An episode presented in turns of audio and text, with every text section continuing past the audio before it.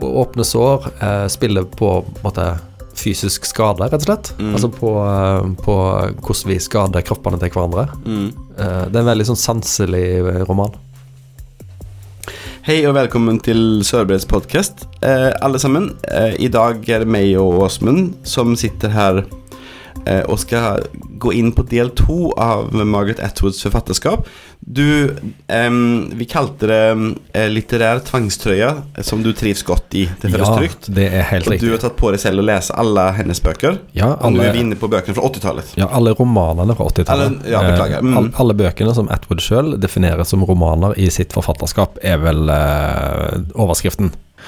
Og hensikten med dette er jo da for nye lyttere å se de eh, underliggende strømningene og forandringene, Mm. eh, og gjennomgående temaer i hennes forfatterskap. Så langt så kan man si at eh, eh, stilmessig så, så, er, så er det veldig hopp og sprett. Med, Ja. Fra morsomt til sinnssykt ubehagelig, men, men kanskje je, likevel gjennomgående eh, feministisk trekk, trekk, eller? Og um, det mellommenneskelige. Eh, Ja. Kanskje mennesker og kvinner. Eh, ja, godt poeng. Det er mye for, om forholdet mellom eh, menn og kvinner, og om maktkonstellasjoner. det går jo igjen i, eh, i bøkene hennes fra den første boka egentlig til, til og med den siste. Så hvem, Mhm. er det som, hvem er det som bestemmer? Hvilke mekanismer er det som eh, er i spill da, i forholdet mellom menn og kvinner? Men òg internt. Eh, blant, eh, blant kvinner, f.eks. Mm. i, eh, i denne Lady Oracle som vi kom ut i 76. Dronning Orakel. Dronning Orakel, som han heter på norsk. Så handler det bl.a. mye om eh, som mobbing og utestenging og vektpress og sånt mm. blant kvinner. Og Atwood, vil jeg si, gjennom forfatterskapet sitt De ondeste, slemmeste folkene hennes er kvinner. Mm. Det er Jeg tror kanskje eh, den offentlige oppfatningen av hennes eh, verk er veldig prega av The Handmaid's Tale. Mm. Eh, hvor jo det er dette med et religiøst diktatur i USA, styrt av menn hovedsakelig, som, som holder alle nede. Og det er selvfølgelig en, en stor del av, av hennes av hennes arv, men, men det er mye, mye kvinnelig ondskap i bøkene hennes. Ok, så den første boken eh, fra 80-tallet heter 'Bodily Harm' på engelsk. Ja. Åpne sår, som jeg syns er en ekkel tittel. Jeg hater Det er en del jeg Ja, altså sånn, det renner eh, ut. vi, vi skal ikke gjøre dette til en sånn der vi henger ut eh, de som har lagd titlene på 70-tallet-podkast, for den vil ikke ha så mange lyttere. For dette er Vi henger ut titlene på noen som har oversett bøker på 80-tallet. Det stemmer. Så nå er vi over dit. Men altså, eh, bodily harm, er ikke det bare kroppsskade? Du har knekt en arm, så har du fått bodily, bodily Ja. harm. Eh, så- Men så- altså, åpne sår er jo veldig sterk Det er et sterkt uttrykk, men for meg er det veldig sånn det, det skaper et bilde hos meg som er ekkelt. Ja, altså for meg så tenker jeg eh, åpne sår det, For meg er det automatisk en, en, eh, en overført betydning av uttrykket. Ja. Altså sånn eh, eh, Mine foreldres skilsmisse da jeg var ti år. Det er et åpent sår i mitt liv, sant? Ok. Men, eh, så, så jeg skjønner ikke helt hvorfor den tittelen er brukt her. For, for jeg skjønner jo hva du sier, eh, og jeg tror kanskje eh, at jeg skylder på at jeg er svensk. At jeg kjenner For meg så er det et veldig eh, konkret uttrykk. For, altså, jeg, jeg får ikke helt det bildet før du sier det til meg. For meg så er det et faktisk åpent Et stikksår. Uh, ja, som- ja, ja. Det, det er det jo på norsk òg, men jeg Ja, tenker at det ja. brukes som regel som en metafor. enig, men Eh, jeg, had- jeg, min, min første assosiasjon er den der konkrete tingen eh, som gjør at det blir sånn ekkelt for meg. Inte. Inte, et, inte noe følelsesmessig, men med et, et fysisk eh, ja. ja. Eh, Hvordan passer det til boken? Jo, det passer ganske bra. Det handler mye om kropp i denne boka her. Mm. Det er, mm, vi følger da en, en journalist som heter Renny Wilford, som er eh, på tur til ei oppdikta øy i Karibien, hvor hun skal skrive en, en reisereportasje for et ukeblad. Um, eh, og hun er, har overlevd brystkreft og er tilbake på jobb, og skal da skrive noe som er enkelt og underholdende for denne øya. Uh, denne boka henger mye sammen med f.eks. Uh, uh, 'Tidenes morgen', som kom på 70-tallet, eller med, med um, 'surfacing', altså Mm. gjenkjennelsen. For det er mye sånn Idet hun kommer til denne øya, så, så bare liksom Det er så mye sånn guffent i det, du kan, det er så bra skildra, det derre påtrengende, lumske, ekle miljøet av, av sånn Det kommer til å skje noe kjipt her. Det kommer til, det kommer til å skje noe uh, ubehagelig med, med hovedpersonen, og for oss som, som lytter på eh, Nei, som leser boka. Så dette åpne sår uh, spiller på en måte fysisk skade, rett og slett. Altså på, på hvordan vi skader kroppene til hverandre. Mm. Uh, det er en veldig sånn sanselig roman. Ja, jag älskar den typen stemning i bøker. Det er veldig, veldig Når det er gjort på en bra måte så trengs det ikke ens faktisk eh, nesten skada eller hendelse. Det er bare den der stemningen at du, du går på tå litt hele tiden liksom. Ja, du går på tå, og så til slutt så bryter du ut eh, et opprør eller en revolusjon på denne øya her, og, og denne journalisten fang, blir fanga midt i det. Og oppleve nye sider ved folkene hun har møtt allerede.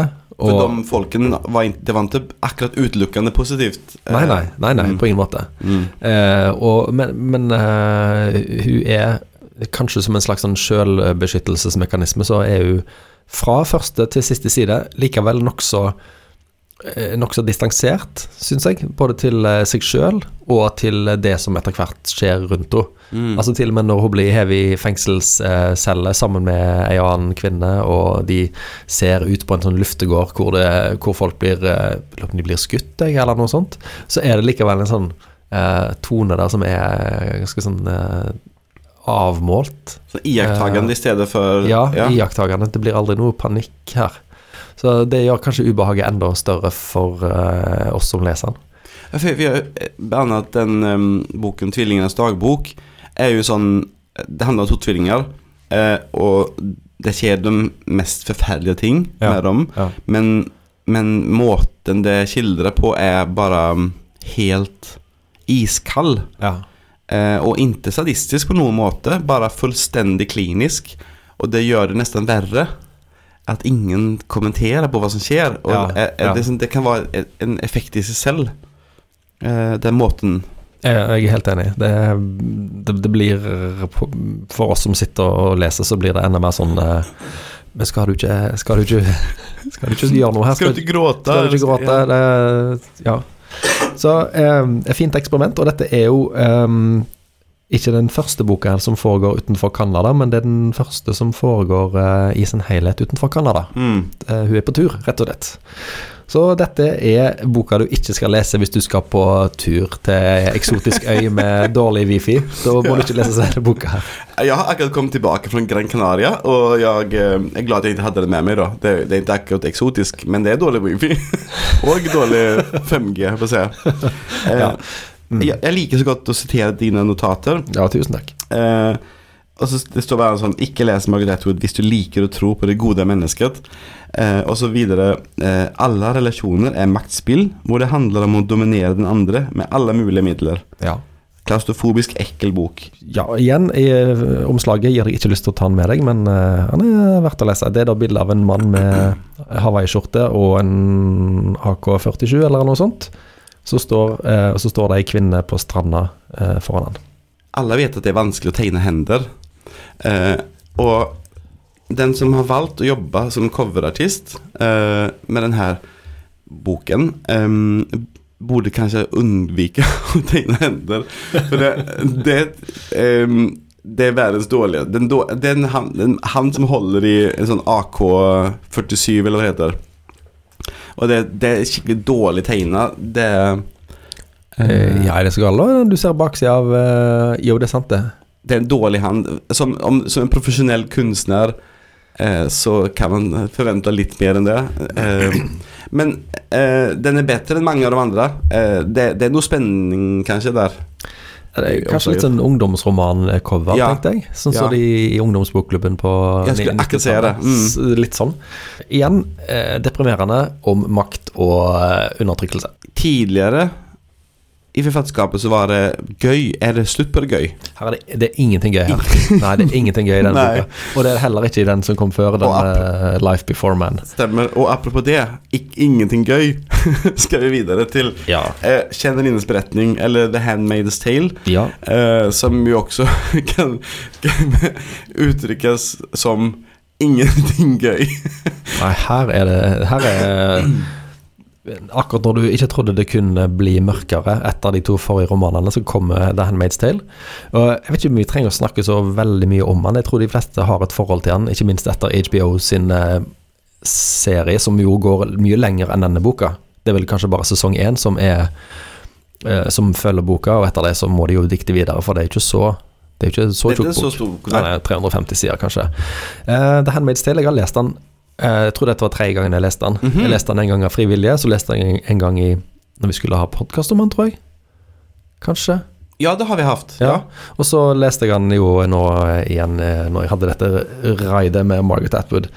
Eh, men for dere to som ikke har eh, hørt om den, så er det da en, eh, en eh, dystopi om et USA eh, en gang i framtida som har blitt overtatt av eh, noen eh, religiøse fanatikere, hvor kvinnene er redusert til eh, fødemaskiner, og de fleste er uansett døde pga. en en eller annen stråling eller et eller annet som har skjedd eh, etter en krig. Iallfall Ja. samfunnet har brutt sammen. Ja, og at Nå Nu husker jeg ikke exakt hur det er, men enten mennene eller kvinnene har blitt i stor grad sterile. Ja. Uh, og det er det hele samfunnet handler Eller mye av samfunnet handler om at de skal bli befruktet. Og de som uh, Er det sånn at den lavere klassen er mer eh, fruktbare enn de andre, eller no, eller Ja, det er noen kvinner som er mer fruktbare enn andre. Det tror jeg er litt tilfeldig, egentlig. Og det, er det, det, det det handler om, at de, Ja. at de på en måte eies En kvinne eies av sin um, Av en eh, herre. fam, Ja, familieherren, på en måte. så Og så- hovedpersonen her heter jo Off-Fred. Som det betyr at du tilhører Fred, Ja. som er hennes uh, eier. ja. Uh, The Handmaid's Tale, ja. Um, jeg vil si at dette er en av de få klassikerne som er så bra som du, du kanskje ikke tror. Håper Altså den er, ja. Av og til så tar du på en bok som Ja, ja, vi får lese den der uh, himla klassikeren, da. Mm. Og så viser det seg at wow, det her er jo dritbra. ja. Det er, og det er, er ingenting av det jeg har lest av de alle romanene av Atwood før denne, som peker fram mot dette. Mhm. Det er den første eh, dystopien hun har skrevet. Den første uh, science fiction-boka Er det science fiction? Ja, til en viss grad. Altså det er framtidsroman, iallfall. ja. Uh, hun har skrevet. Uh, og så treffer hun så sinnssykt bra. ja. Og det er ingenting med denne stilen hun har i denne For eh, hvis dere husker The Handmaid's Tale, så er jo setningene stort sett ganske korte. Veldig reinskåret. Det det er lite sånn eh, Lite adjektiver. Det er lite, lite Du må fylle inn mye av uh, konteksten sjøl i hodet ditt. Mm. Du må dikte videre sjøl. Mens de forrige bøkene hennes er jo veldig sånn ordrike med ganske lange setninger med mye sånn adjektiver, og liksom, hun er sikker på at du, du henger med, ja. Du vet hvordan det ser ut nå på denne, Mm. dette dinosaurmuseet, eller denne karibiske øya, eller denne hytta, eller på denne festen på 60-tallet. Du, du, du er med nå. Mm. Mens The Handmaid's Tale stripper vekk alt det. Så det er en sånn prestasjon, både, både eh, ideen og teksten og gjennomføringen. gjennomføringen. Alt, det liksom, alt klaffer, syns jeg, i The Handmaid's Tale. Ja. Eh, fantastisk bok eh, som må leses det flere ganger. Jeg tenker at hun er jo ved det her laget Den kom ut i 1985, Ja. og hun er jo en relativt eh, erfaren forfatter nå. Hun har skrevet bøker i 15-16-17 år. ja.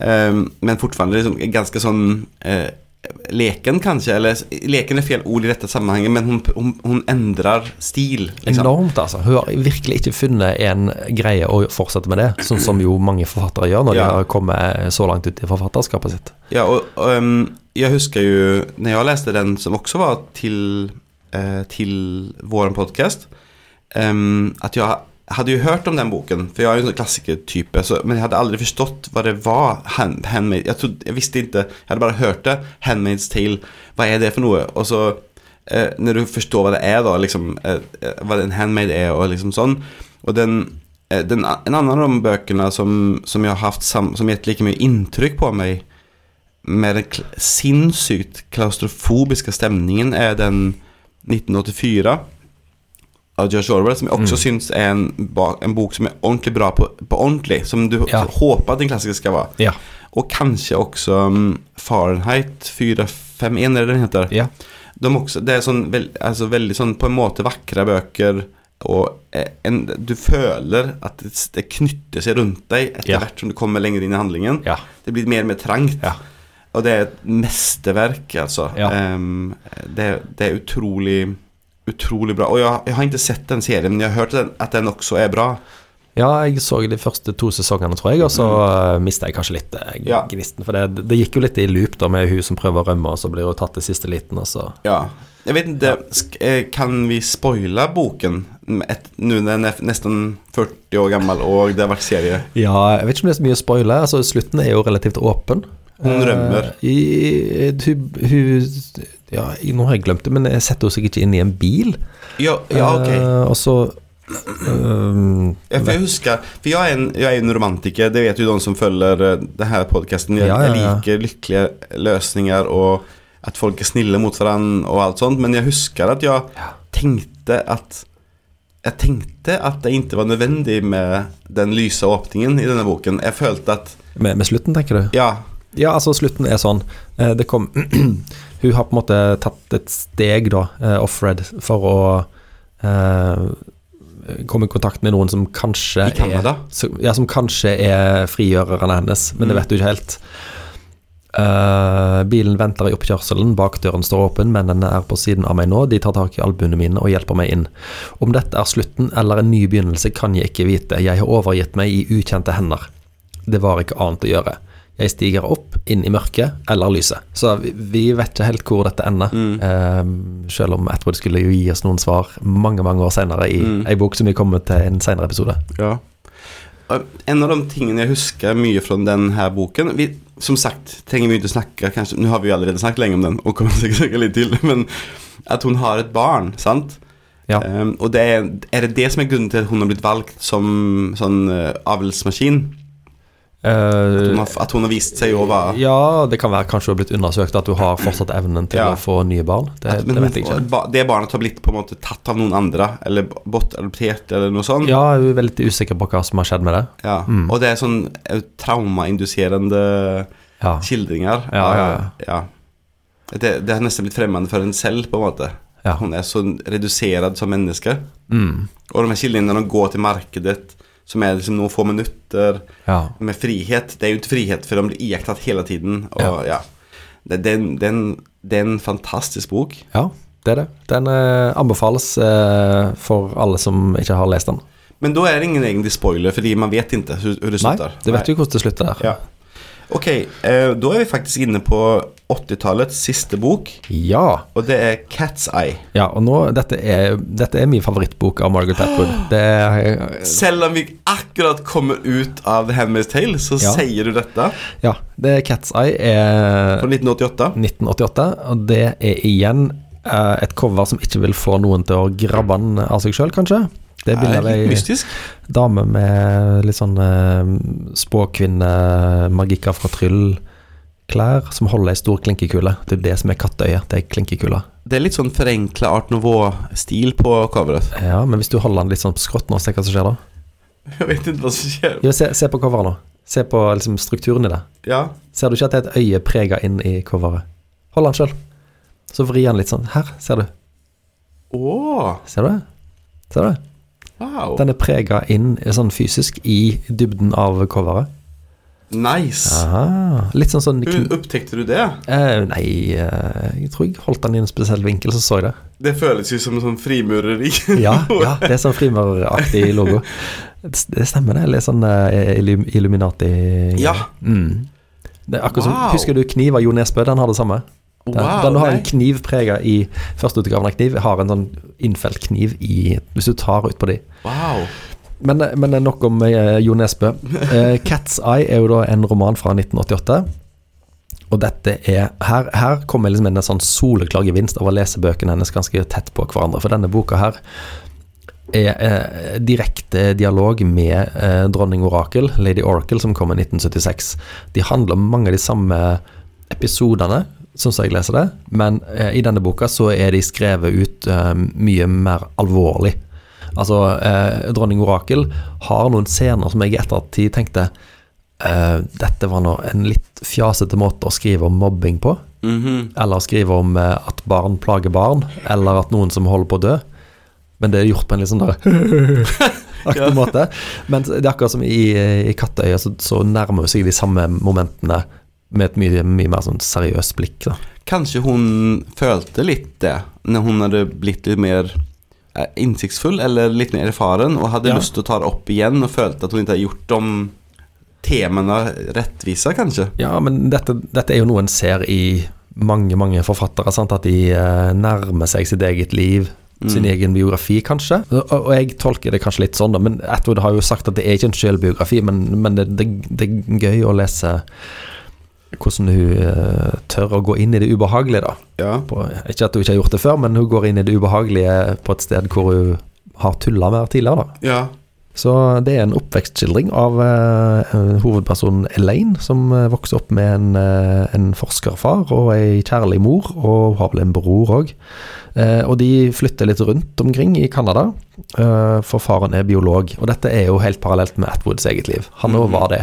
Ok. Um, og så begynner Elaine på skolen og kommer da inn i en jen- jentegjeng som er veldig usunn å være i. Hvor det er sp- spesielt en leder som heter Cordelia, som er, bestemmer alt. Som bestemmer hva som er lov, hva som ikke er lov. Uh, og nå var du frekk, du kan være med oss, du må gå hjem. Ja, du vet, klassisk sånn mm. hersketeknikk, uh, mobbing osv. Mm. Uh, og så er det dette med igjen noen skumle hendelser ved vann. Det er En hovedperson dør nesten etter å ha gått gjennom isen, uh, fordi de hiver Er det lua hennes ned fra ei bro, så hun må gå ned Mm. liksom, i en skitten eh, skråning midt på vinteren og hente tingene sine, og, komme, og, omkomme nesten. Eh, hun men tacklar de det? Er, var det? Var det det de ville? Eller var, ville de bare være kjipe? Uh, Eller ville, altså, ville de at hun skal dø? jeg, jeg vet ikke om de, de tenker så langt. Nei. Det er bare I etterkant da, det, blir, blir det liksom reflektert? Ja, det blir på en måte reflektert med at eh, mor til hovedpersonen Men kanskje litt sånn som det var på den tida der, at en ikke en, en går ikke all in i, i, for sitt barn, på en måte. Ah. En, en, eh, en, skal liksom sørge for at alt bare er, er sånn noenlunde greit. Mm. Eh, voksne og barn var ganske, levde ganske atskilte liv. Ja. Eh, sånn som jeg opplever når jeg leser om den tida der. For dette foregår vel på 40 fem- Å, ok. 50-tallet. Det, er jo Ja. en barndomsskildring fra et Canada uh, som var rett etter krigen. Men det, det, det største sviket i denne boka her, som jeg leser det, er ikke at ungene mobber hverandre, men det er at de andre voksne, altså foreldrene til disse ungene, liksom vet om det uten å gjøre noe med det. Det er unnlatelsen ved å ikke eh, stå opp for den en god sak, som, som, er, som er det, det som er ille her. Hva, hvorfor heter den Cat's Eye? Cat's Eye det spiller på noe med Altså klinkekuler spiller en rolle i denne Ah. boka, og Cat's Eye er jo det ligner på et katteøye, de der pynten som er inne horisontalt i, i et uh, klinkekule.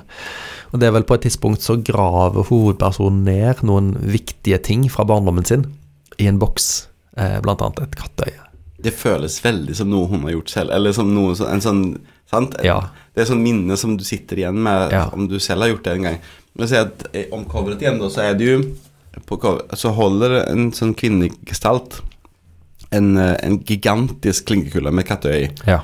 Um, så skifter jo dette her eh, maktforholdet eh, litt etter hvert, for, for Elaine blir jo eh, ungdom Hun blir uh, ung voksen, og blir, blir uh, kunstner. Og så blir Hun har hun det da, liksom? Nei, hun, hun har på en måte rista det av seg, tror hun sjøl, ja. Men, men, men hun er jo uh, traumatisert av barndommen sin. Eh, men, men, men kommer seg gjennom det. Men, men det er noen, noen ganske talende scener på slutten der hvor hun treffer igjen denne lederen for jentegjengen som voksen. Hvor eh, Cordelia har flytta til en annen skole og viser det seg har blitt eh, havna på noen psykiatrisk institusjon. eh, og de møtes der. Eh, men det blir ingen forsoning. Det blir ingen, det blir ingen sånn varme. Eh, jeg skal ikke si at du, at det er noe sånn at du fryder seg over at eh, sin plageånd har gått til grunne, men det er ingen sånn det, det er akkurat som det er noen ting som ikke kan tilgis eller, eller, eller legges bak seg, tenkte jeg. Så hun, um, Cordelia har også plaget henne, selv om hun var med i den gjengen. Eh, hun Ja. plaget alle. Hun har plagd alle, men mest eh, denne hovedpersonen vår. Oh, ok, det Ja. ikke ja. Ok. Aha. Så, så det er jo et mobbeoffers eh, stigning til, til å klare seg, denne boka Åh, handler om. Jeg trodde hun var med i en gjeng som mob, mobba andre, men det er omvendt på en måte. Hun blir mobba denne, denne Ja, hun er, med, hun er med i gjengen, da. Men, men eh, du vet jo hvordan det er sånn, sånn barn, sant? at du har en gjeng, og så bestemmer de seg plutselig at nei, du du har eh, forbrutt deg mot reglene Ja. våre. Eh, Eller du er, du er bare ikke en del av oss lenger. Og så er det en leder som bare Så det er en leder. mm, Ja, så det, så det, det er en sterk bok om uh, mobbing blant barn. Uh, men, men hun blir jo voksen og legger det bak seg, og blir da en feira, feira kunstner. Så det Ah. er uh, boka fortelles delvis i tilbakeblikk. Er det en, liksom noen slags følelse revansj når hun møter Eh, Eller er ikke i, eh, kanskje litt, men ikke sånn tydelig. Det, det er Mm. mer en sånn der eh, kald observasjon at, Mm. at uh, Se hvordan det gikk med deg. men ifølge biografien til Atwood, så, så har ikke hun Så er ikke den mobbedelen eh, noe sjølopplevd, egentlig. Det var ikke det som var problemet hennes på skolen. Det var mer at du flytta litt mye rundt når hun var liten, og osv. For du skriver her at um, det handler om en sorgløs um, barndom, og at de reser rundt da, men eh, det kan jo også være ganske slitsomt eller vanskelig, at du aldri får komme inn, at, Ja, ja. Du, at du aldri får etableret deg. Ja, det er nok sånn at, det, at, at det er vanskelig. Det, det er jo ikke lett å alltid være den nye. Alltid være, skulle liksom etablere seg i et miljø som finnes fra før. Altså, jeg har, sånn, jeg har begynt på et, et notat som er Det finnes to typer forfattere. Eh, og da var min tanke at noen forfattere på en måte skriver samme bok om og om igjen. Mens andre forfattere Men, men så tok min tanke slutt der. At det, jeg kom ikke på hva den andre typen var. Men De, de som ikke gjør det. det, då, då kan man ikke si at, at det finns två forfattere. Da kan man jo så bare si at um, noen forfattere skriver samme bok om og om igjen. Men jeg hadde det var som at jag hade en veldig god tanke med, med det.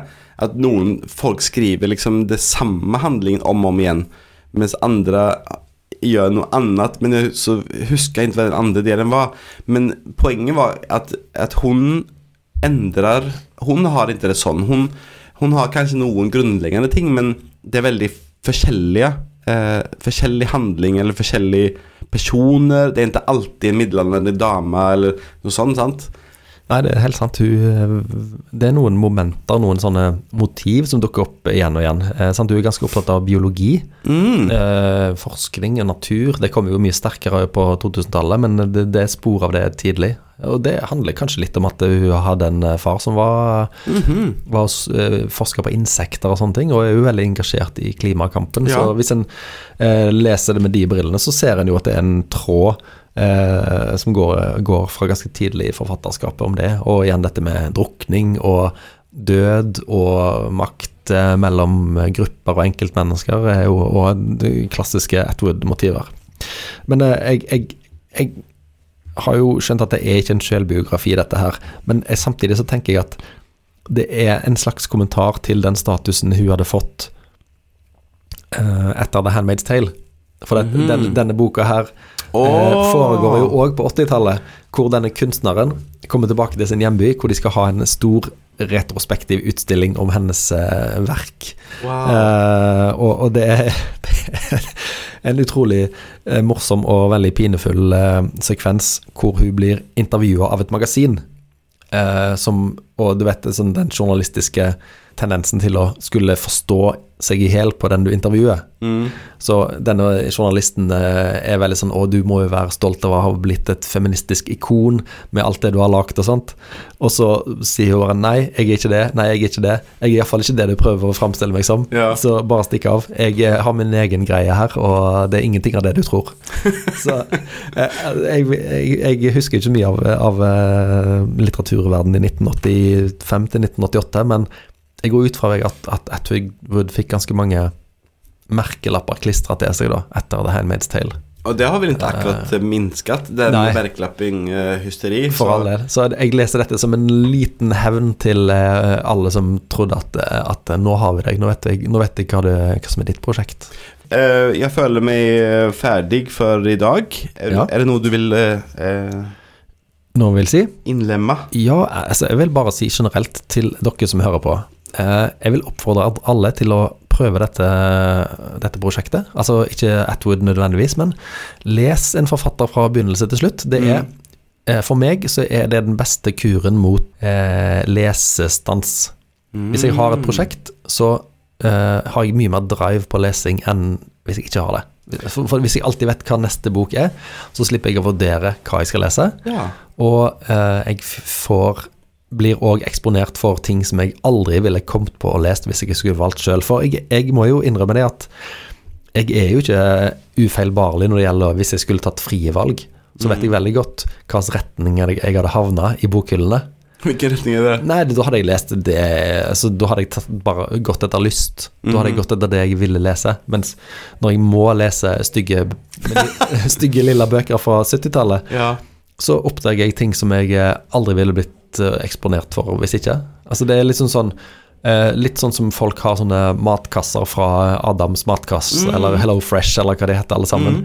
Så tror jeg det er litt fordi at hvis du ikke har det, så blir det kjøttdeig og spagetti, og det blir eh, de, de, de ti faste rettene du alltid har lagd til middag. Men hvis du får mat, så må du lage det. Altså, litt tvang er, er aldri feil. Altså, Nå følte jeg at vi fikk faktisk vite hvorfor du gjør det och att det var en utrolig god eh, tanke bak. Fordi alle oss som leser ganske mye, er ute for denne tingen at du plutselig bare orker ikke lese. Eller du får ikke det til. eller ingenting du leser, passer sånn som du har det der og da. Ja. Och da, det at du sa at det var en sånn bot mot eh, den der ja. lesestansen, det var kjempegod Ja, altså, så føler jeg at det, det blir et portrett av forfatteren òg. For jeg, jeg blir veldig spent på å, når forfatteren er ferdig med hadde skrevet denne boka, hvor, hva skjedde da i, i, i tankeprosessene? Hvor går neste bok? Og det at du leser läser sånn eh, kronologisk også, at du ser en slags... ja. Ja. Akkurat det. Da blir det en slags eh, skyggeportrett av de som har skrevet bøkene òg. Men, men för det, det som jag och säkert många andra tänker med detta projektet då är Men hur orkar du läsa färdigt om du inte liker det liksom? Nei, det er eh, fjellturinstinktet som setter inn. Mhm. Eh, for dette er jo en bot imot det å avbryte bøker. Mm. For jeg er jo Jeg merker jo at den Netflix-syken har, har sneket seg inn eh, når det gjelder lesing òg. Vi har jo et bibliotek vi jobber i så hvor det er tusenvis av bøker. Sant? Mm. Vi, eh, vi har tilgang til eh, digitale bøker, lydbøker, alt mulig. Så det er veldig, det er veldig lett å hoppe av. Mm. Så det, det, det, styrker lesekondisen min å ha sånne prosjekter. Da har jeg ikke noe valg. Jeg må lese de ferdig. Mm. Uh, så jeg tror det er litt disiplinerende, rett og slett. Ja, ja, jeg har det jo litt på samme måte, fordi det, er ikke inte så ofte jag läser bare for at jeg vil. Fordi det, er så mange Jeg har alltid noen prosjekter. sant? Bibliotekets litteraturpris, eller de her podkastene eller sånn som det. Og det fører til det samme som du sier med at du leser noe du aldri ville gjort ellers. Jeg har jo egentlig fått en, føl en sånn tanke om, og det er av Nick Hornby. Eh, at han sa du ville aldri ha hørt ferdig en hel playlist på Spotify som noen har gitt deg, bare for at, noen har bare för att du har begynt på den. Om du ikke likte musiken. Och du ville aldri sett ferdig en hel tv-serie bare for at du har begynt på den. Og det litt av det samme med bøker, men Ja. har du på en måte snu litt om. Og er det fordi at, du, at det har blitt for mye at du ikke gidder lese ferdig, eller liksom Det, nei, jeg, jeg forstår veldig godt hva Hornby sier, og jeg er jo enig med han i prinsippet, men jeg, jeg, jeg tror vi har godt av å trene opp evnen til å stå i ting. mm, det er så lett å velge ting bort, det er så lett å sveipe høyre eller venstre, bla videre i feeden, eller slutte å følge noen hvis de ikke er interessante hele tida. mm, Eh, men det, for det er jo ikke sånn vi forholder oss til mennesker alltid. Nei. Altså, du kan, finner, finner kanskje ut etter et år at å, naboen, han, han er jo dødskul. mm, Vi har, vi har bare liksom eh, eh, hatt litt feil møtepunkter de første åra her. Mm. Men han har jo verdens største stereoanlegg og bordtennisbord i kjelleren. Så du har bare ikke Ja. kommet dit ennå. Åsmund han har mikrofoner, en rosa og en knallgrønn mikrofon. Det er ingen som vet det. Nei, sant. Det vet jeg. Eh, Ja, ja, ja. ja. Så, sånn tenker jeg litt med litteratur òg. Altså, nå, nå holder jeg på å lese uh, Vetle Lie Larsen fra, mm. for, i, i et sånn modus. Begynte på den første, er nå kommet til bok nummer seks eller noe sånt. Mm. Og jeg skal innrømme det, at disse inderlige bøkene hans fra 90-tallet, det, det er ikke det jeg ville plukket med meg når bøkene heter sånn 'Kjærlighet før øya synker' og sånne ting. Jeg ville jo aldri i livet tatt det med meg, men nå har jeg nå, har jeg nå eh, surra meg til den masta. ja. Så det, jeg skal lese de bøkene der. Ja, men, men jeg merker at, eh, at de, bøkene vinner meg over, da. Jeg er veldig tiltalt av denne ideen. Når, når, jeg dette. Mm. når jeg er nå i bok, den boka som heter 'Himmeltårnet', sant? Mm. som er Det er en blanding av Ari Behn og Jan Kjærstad på speed. det, er, det er altså så mye følelser. Det er Ja. altså sånn hudløst. Sånn derre eh, Tenkte jeg unge verters lidelser, Ja. eh, bare i en norsk kommune istedenfor. Ja. Eh, men jeg merker at det vinner meg over. Jeg, blir, jeg blir glad av det. Jeg blir glad i det. Fordi jeg er i selskap med Vetle Lie Larsen hver dag. ja. Så begynner jeg liksom Å, Vetle. Jeg, vi er ikke helt enige her, men jeg, jeg skjønner hva du vil. Jeg forstår, og jeg, jeg, anerkjenner, og jeg begynner faktisk å like denne himmelropende romantiske stilen din. For det, du, jeg har eksponert meg for deg så lenge. Ja, det, det høres jo helt fantastisk ut. Nå, nå blir jeg helt sånn Ja vel, hvilken forfatter skal jeg velge, da? Nei, men du, dette, seriøst, dere som hører på. Hvis dere har et sånt prosjekt på gang, eller eh, lurer på et sånt prosjekt med å lese en forfatter fra, fra start til mål kronologisk, send oss en mail til Ja. podcast.solberg.no, så eh, er vi veldig interessert i å høre om det, og, eh, og ikke minst fortelle hvordan det går underveis. Eh, For det, det, det skjer jo meg rett som det er det med at du At du hittar en forfatter og så Å, det var så bra dette var. Men det å ta en beslutning og gå i etterkant, gå fra begynnelse til slutt, det det er fantastisk Det er en helt annen ting, føler jeg. For da eh, blir Som du sa, du surrer til masten. Det, det er veldig tiltalende for meg å, å, å ta et valg og stå i det, og så det som du sier, at du blir, liksom- det blir sånn Stockholm-syndrom, liksom. At, uh... Ja, det er akkurat det det blir. Det blir, det blir eh, en blir vunnet over Ja. av, av eh, Altså, de fleste forfattere er jo eh, ganske gode. Mm. De fleste folk er jo veldig ganske trivelige. Hvis du bare er sammen med dem en god stund, så er, de, så er de fleste ganske ok, altså. Mm. Hvis du bare snakket med de, de ekstroverte Ja. eh, hele veien, så, så, så oppdager en ikke kvalitetene til de som står i et hjørne av festen. ja. Helt sant. The Wallflower, liksom. The Wallflowers. Ja. Yep. Ok, tusen takk for i dag, Åsmund. Vi snakkes eh, bokstavelig talt neste uke. Da tar jeg på meg flanellskjorta og skal hoppe inn i 90-tallsbøkene til Margaret Edward. Ha det. Ha det.